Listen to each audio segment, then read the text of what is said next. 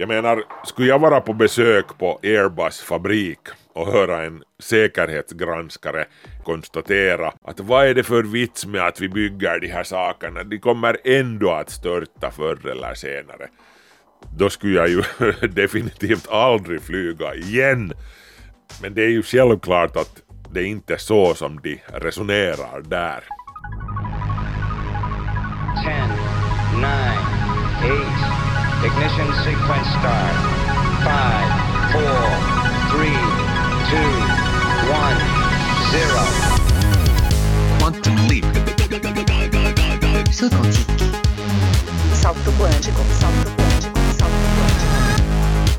Quantum Salto quantico. Salto quantico. Kvantum, det du inte visste att du ville veta. Om det här året har lärt oss någonting så borde det väl vara att man inte ska underskatta Murphys lag. De saker som har kunnat gå åt skogen nu i år har minsann också gjort det. Och året är ju inte slut ännu heller. Det är både en och annan som går med hjärtat i halsgropen och undrar vad säsongsfinalen kan komma att bjuda på. Men innan någon börjar läsa förbannelser över Murphy och hans lag som gör livet surt för oss alla, stopp och belägg. Murphys lag kanske inte riktigt innebär det som du tror att den gör. Jag hävdar att Murphy är missförstådd.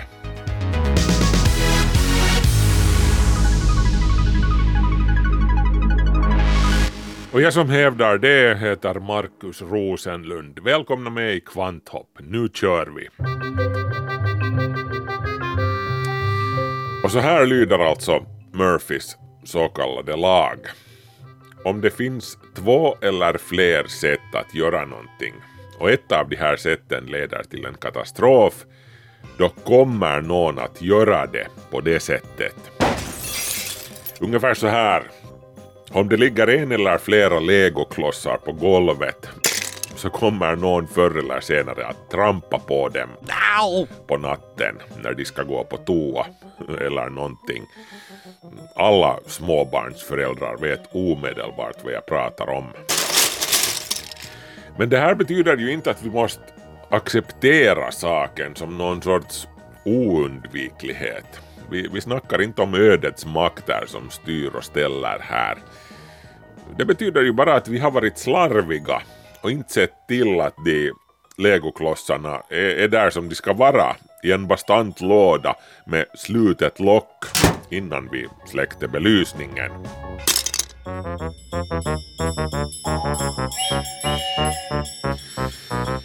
Vi har alla haft såna där dagar då det känns som att alla stjärnorna har radats upp emot mig. Att hela universum är en enda stor konspiration riktad mot lilla stackars mig. Men då överskattar jag nog min egen betydelse en aning. jag trodde faktiskt att jag var förföljd av otur som barn men det visade sig senare att jag bara hade läst för mycket Kalle Anka.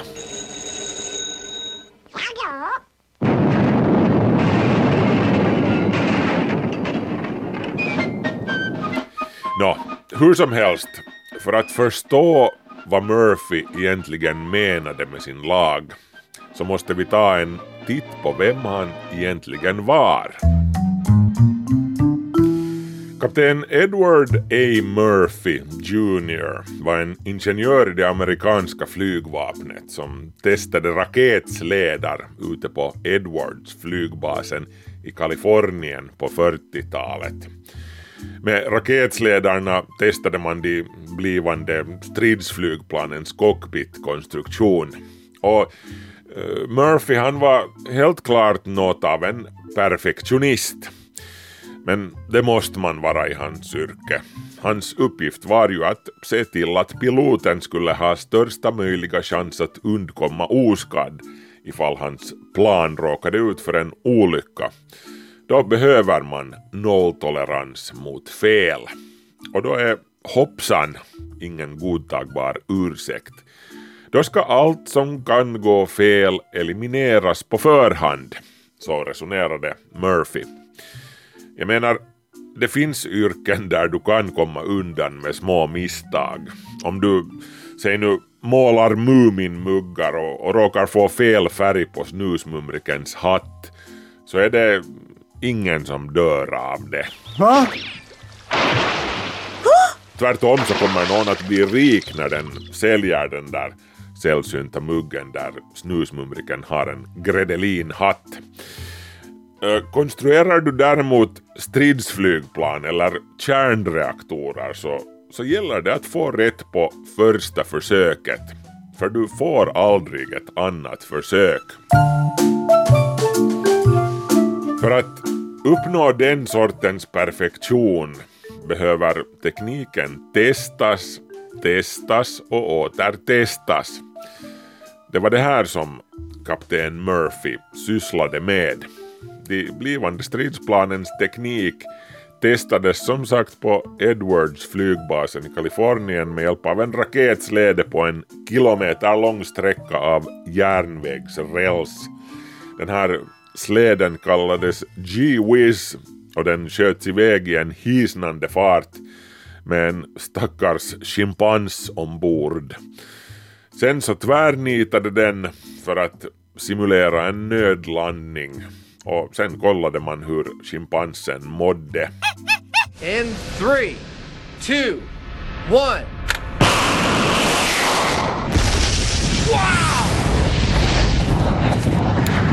En dag, året var 1948, blev det problem. Mätinstrumenten som registrerade G-krafterna i raketsleden fungerade inte. Så Edward Murphy tog sig en närmare titt och han hittade strax felet. En tekniker hade installerat en givare bak fram. Vad den här teknikern hette vars klåperi inspirerade Murphys lag är osäkert men det var endera av en duo vid namn Ralph DeMarco eller Jerry Hollabaugh. Och det var alltså nu som Murphy fällde sin berömda kommentar. Om det finns ett sätt för dem att göra det på fel sätt så kommer de att göra det. Murphys kommentar började snart cirkulera på flygplatsen och i piloternas och personalens mun omvandlades den snart till om något kan gå fel kommer det också att göra det. Skillnaden är inte sådär jättestor men det har inte riktigt samma betydelse. Det kan ju tolkas som så att föremål av död materia är, är besjälade på något vis och, och de trilskas med oss med avsikt. Och det här är ju de facto den populära, moderna tolkningen av Murphys lag. I folkmun utgår man inte bara från att det som kan gå fel kommer att göra det, utan att det går åt skogen i vilket fall som helst, vad vi än gör. Men det var inte det här som Murphy menade. Hans poäng var, och det här tål att upprepas alltså, att det är ingenjörens plikt att hitta den där ena lilla biten i ett stort pussel som någon eventuellt har lagt fel. Eller som kan få någonting att gå fel längre fram. Och sen lägger vi den på nytt, på rätt sätt, så att det inte längre kan gå fel. Murphys lag är inte en vetenskaplig lag i bemärkelsen naturlag, sådär som gravitationslagen. Den är bara ett talesätt egentligen, men likväl så tillämpas dess anda av ingenjörer över hela världen. Det kallas också defensiv design det här, det här med att försöka föreställa sig alla tänkbara worst case scenarier och göra så att de inte kan bli verklighet. Murphy var ju naturligtvis inte den första som tänkte den här tanken. En annan som var inne på samma spår var den brittiska ingenjören och skeppsredaren Alfred Holt. Så här uttryckte han saken i ett tal på ett eh, ingenjörssällskapsmöte 1877. Det är allmänt känt att allt som kan gå snett till sjöss i regel också går snett förr eller senare. Så det är föga överraskande att fartygets ägare föredrar att ta det säkra före det osäkra. Och Holt fortsätter. Det är knappast möjligt att överskatta betydelsen av enkla lösningar. Och så här är det ju. Ju fler kockar, desto sämre soppa. Ju mer komplicerad en helhet är, både till tekniken och personalen, ju fler rörliga delar, desto större risk för att någonting går fel på längre sikt. Det lönar sig helt enkelt som regel att hålla en design så enkel och strömlinjeformad som möjligt. Men ta nu ett modernt flygplan till exempel. Det behöver ett visst minimum av delar för att fungera. En Boeing 747 Jumbojet till exempel innehåller omkring 6 miljoner individuella delar. Bara en enda motor innehåller omkring 25 000 delar. Det är många saker som kan gå fel, potentiellt.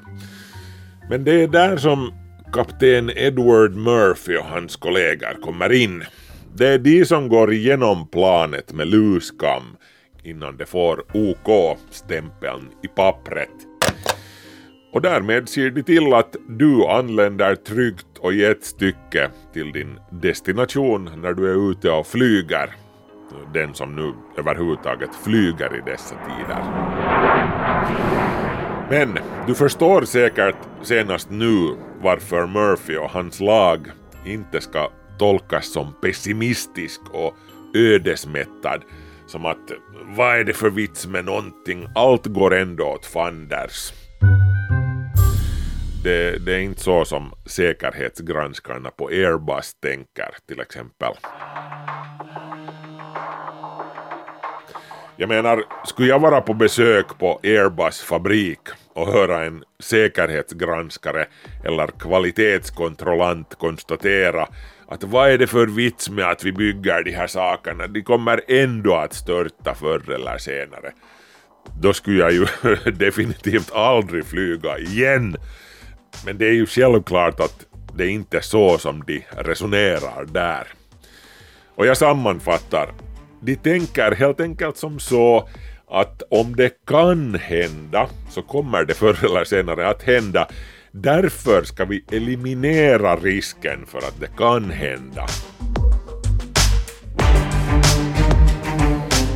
Samma sorts tänkande kan vi alltså tillämpa i våra dagliga liv.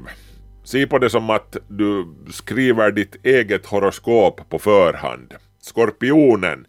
Den här veckan kommer du inte att trampa på några legoklossar för du har sett till att plocka upp varenda en av de små jävlarna. Men ärligt talat, jag vet hur frestande det är att börja inbilla sig att ja men jag plockar ju upp alla de där klossarna, ändå trampar jag på en.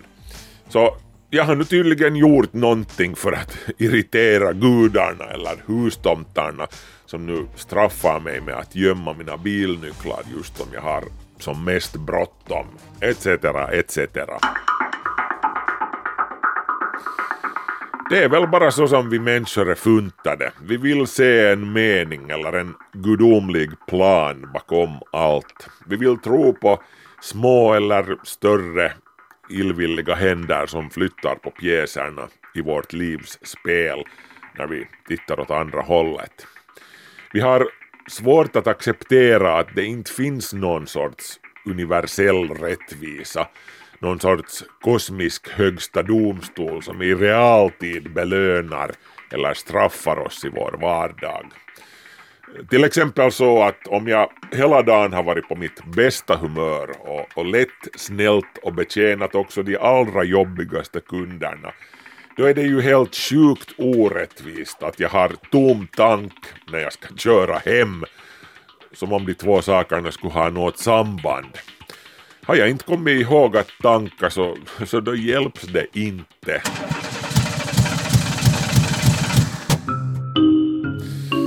Filosoferna de, de använder begreppet a priori Med andra ord, fakta som inte är beroende av utifrån kommande intryck. Som att gravitationen är 9,807 meter per sekund per sekund här på jorden oberoende av huruvida du tänker på saken eller inte.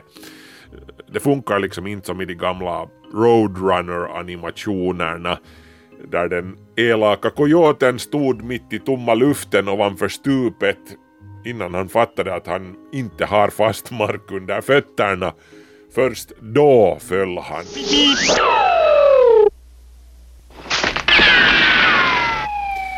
Det pågår hela tiden tusentals, miljontals processer i universum, i världen, i, våra egna kroppar, i bilen medan vi kör på motorvägen som vi ignorerar mer eller mindre totalt, men som ändå finns där. USAs före detta försvarsminister Donald Rumsfeld beskrev det här ganska klyftigt i ett tal 2002. Han sa det finns kända, kända saker. Saker som vi vet att vi vet. Det finns också kända, okända saker. Det vill säga sådant vi vet att vi inte vet. Men sedan finns det också okända, okända saker. Saker som vi inte vet att vi inte vet. Eh, hängde ni med nu? Eh, vi tar ett exempel. Eh, min bil har ganska många delar som jag vet att jag känner till. Jag råkar vara intresserad av bilteknik. Kända, kända delar, det vill säga. Men där finns också massvis med okända, okända delar. Komponenter vars existens jag inte ens är medveten om, men som hur som helst uträttar viktiga saker medan jag kör till butiken. Nödvändiga saker för att bilen ska fungera. A priori saker. Nå, det är ju klart någon sentida motsvarighet till kapten Edward A. Murphy har säkert granskat varenda del och med sin signatur garanterat att de här delarna inte kommer att ställa till med problem för mig. Men det här förutsätter ändå att jag tar ett aktivt ansvar själv för att serva bilen när tiden är inne för det. Gör jag inte det så kan jag inte skylla på kapten Murphy sen när någonting går snett. Ansvaret låg i det här skedet hos mig, inte hos Murphy. Lika lite kan jag skylla på ödets makter som inte såg mellan fingrarna med min glömska och, och lät bensinen räcka ända hem. Så snäll som jag har varit och allt jag menar, jag, jag sorterar ju soporna och jag ger pengar till Röda Korset och, och allt sånt. Men så är det, vet ni, att verkligheten är en krävande älskarinna och, och vägen till helvetet är, är stensatt med goda föresatser, som man säger. Coronakrisen har understrukit det här på högsta internationella nivå. De länder där man i ett tidigt skede insåg situationens allvar eh, klarar sig lindrigare undan än de länder som mer eller mindre struntade i saken eller fattade helt galna beslut ingen vits att vänta sig några sympatipoäng eller förmildrande omständigheter baserat på popularitet eller stamtavla där. Eh, klimatkrisen understryker samma budskap i potens tusen. Antingen gör vi det som krävs eller så går det rejält på tok. Inga bonuspoäng delas ut för åsikter när det kommer till klimatet och ingen bryr sig om dina känslor. Eller mina. Det här är ju någonting som ofta förbises i, i vår tid av alternativa fakta där åsikter baserade på 10 minuters YouTube-tittande ofta väger lika tungt som, som en 10-årig universitetsutbildning. Känslor väger tyngre än analys. Prata väger tyngre än data.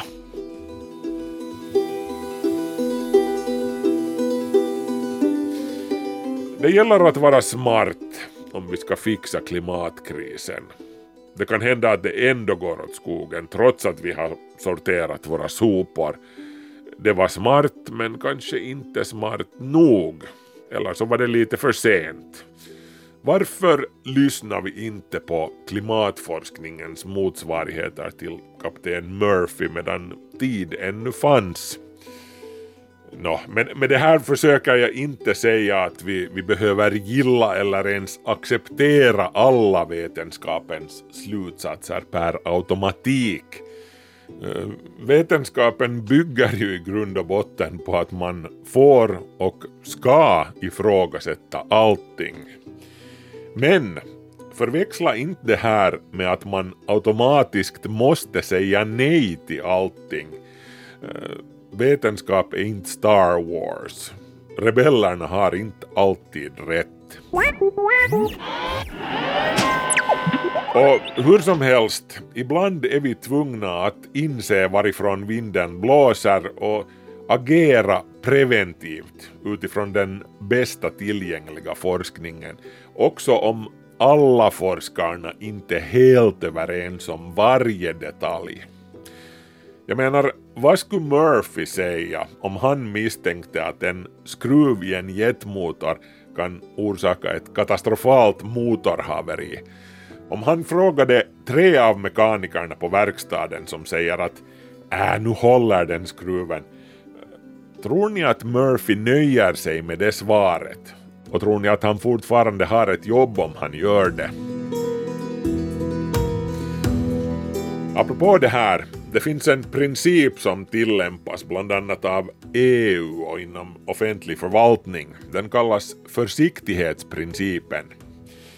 Den slår fast att då osäkerhet råder om huruvida exempelvis en ny teknik eller en politisk åtgärd kan skada allmänheten eller miljön och vetenskaplig konsensus saknas om huruvida tekniken eller åtgärden är farlig, då ska tekniken eller åtgärden ändå betraktas som farlig. Och, och beträffande klimatuppvärmningen och dess orsaker saknas ju inte ens konsensus. Tänk dig följande exempel. Du har en bro som leder över en brusande livsfarlig fors. 99 av 100 brobyggnadsingenjörer säger att bron är livsfarlig och kommer att rasa ner i forsen när som helst. Skulle du skicka ut dina barn på bron baserat på vad den där ena ingenjören säger att nej det är ingen fara, bron håller nog, nu höll den i fjol också. Skulle du vara lite mera benägen att skicka ut dina barn på bron om det bara var 97 av de 100 ingenjörerna som säger att bron är livsfarlig? Eller 91? Eller 50? Var går gränsen? Handen på hjärtat liksom. Uh, jag vet inte med dig, men, men jag skulle känna mig olustig inför tanken på att mina barn går över den här bron om bara en enda av de här hundra ingenjörerna säger att bron är livsfarlig.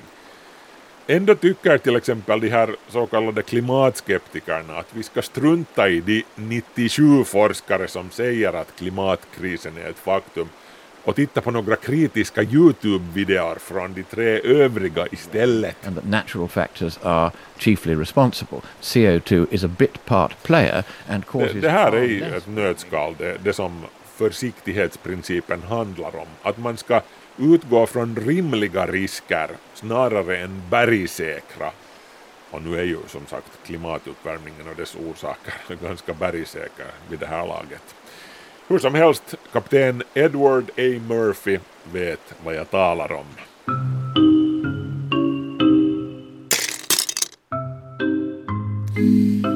Vi behöver inte vara av samma åsikt om vilken gud som är den enda rätta, eller om Österbotten är bättre än Nyland.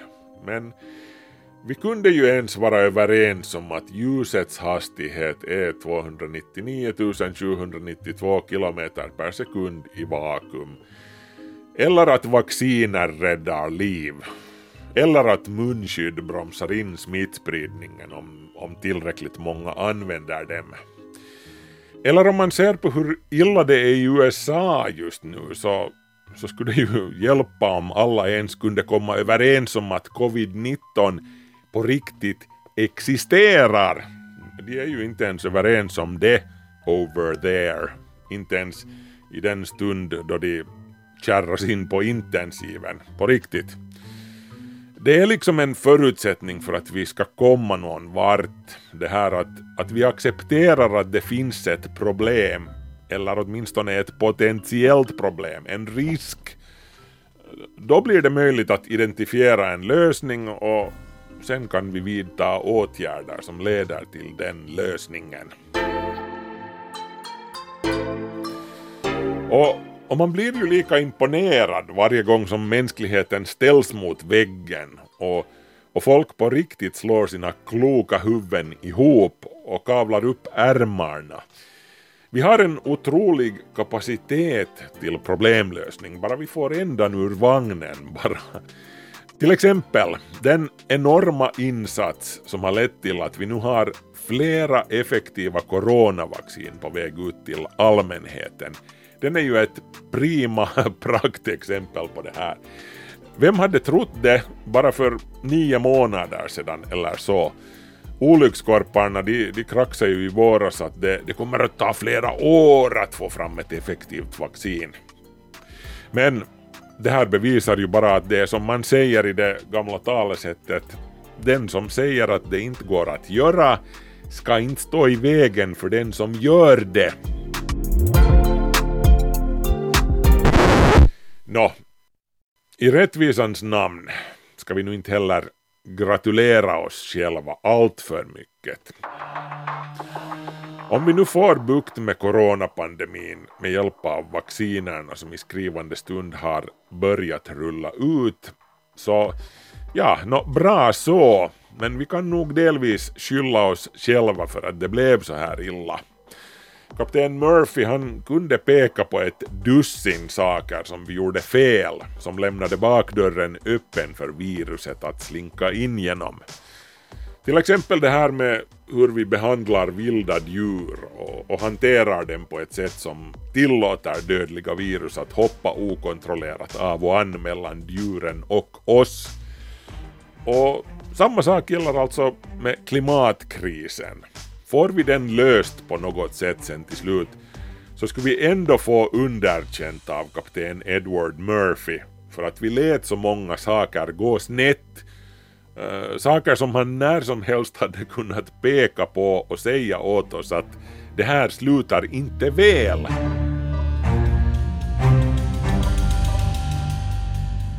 I vilket fall som helst, kapten Edward A. Murphy har inte heller någon större orsak att vara belåten med sin egen insats. Om vi tänker på det där testet på Edwards Air Force Base i Kalifornien 1948 som, som slutade riktigt illa.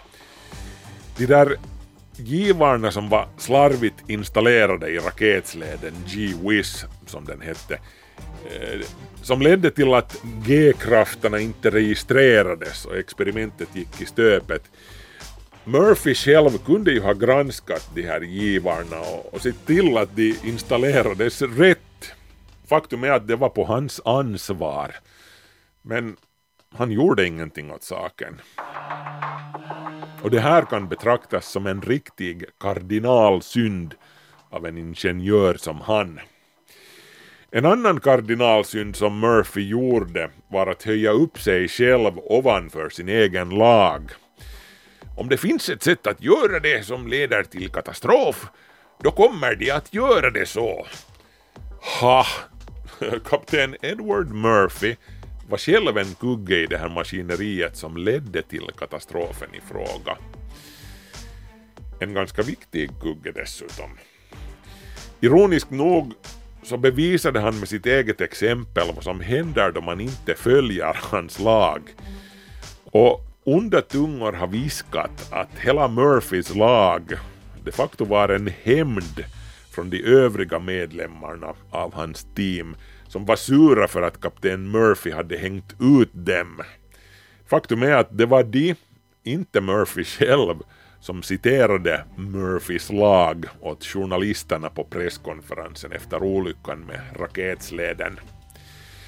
Och så gick det ju sen att en hel värld nu går omkring och skyller allt fanskap som händer på den där Murphy och hans lag utan att nödvändigtvis ens veta vem han var eller vad han egentligen menade.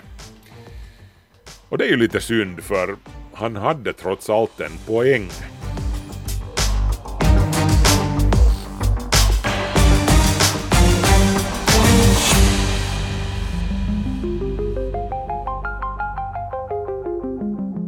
Och det var det för den här gången hörni. Kvantopp är slut men ett nytt avsnitt dyker upp varje lördag på Yle Arenan.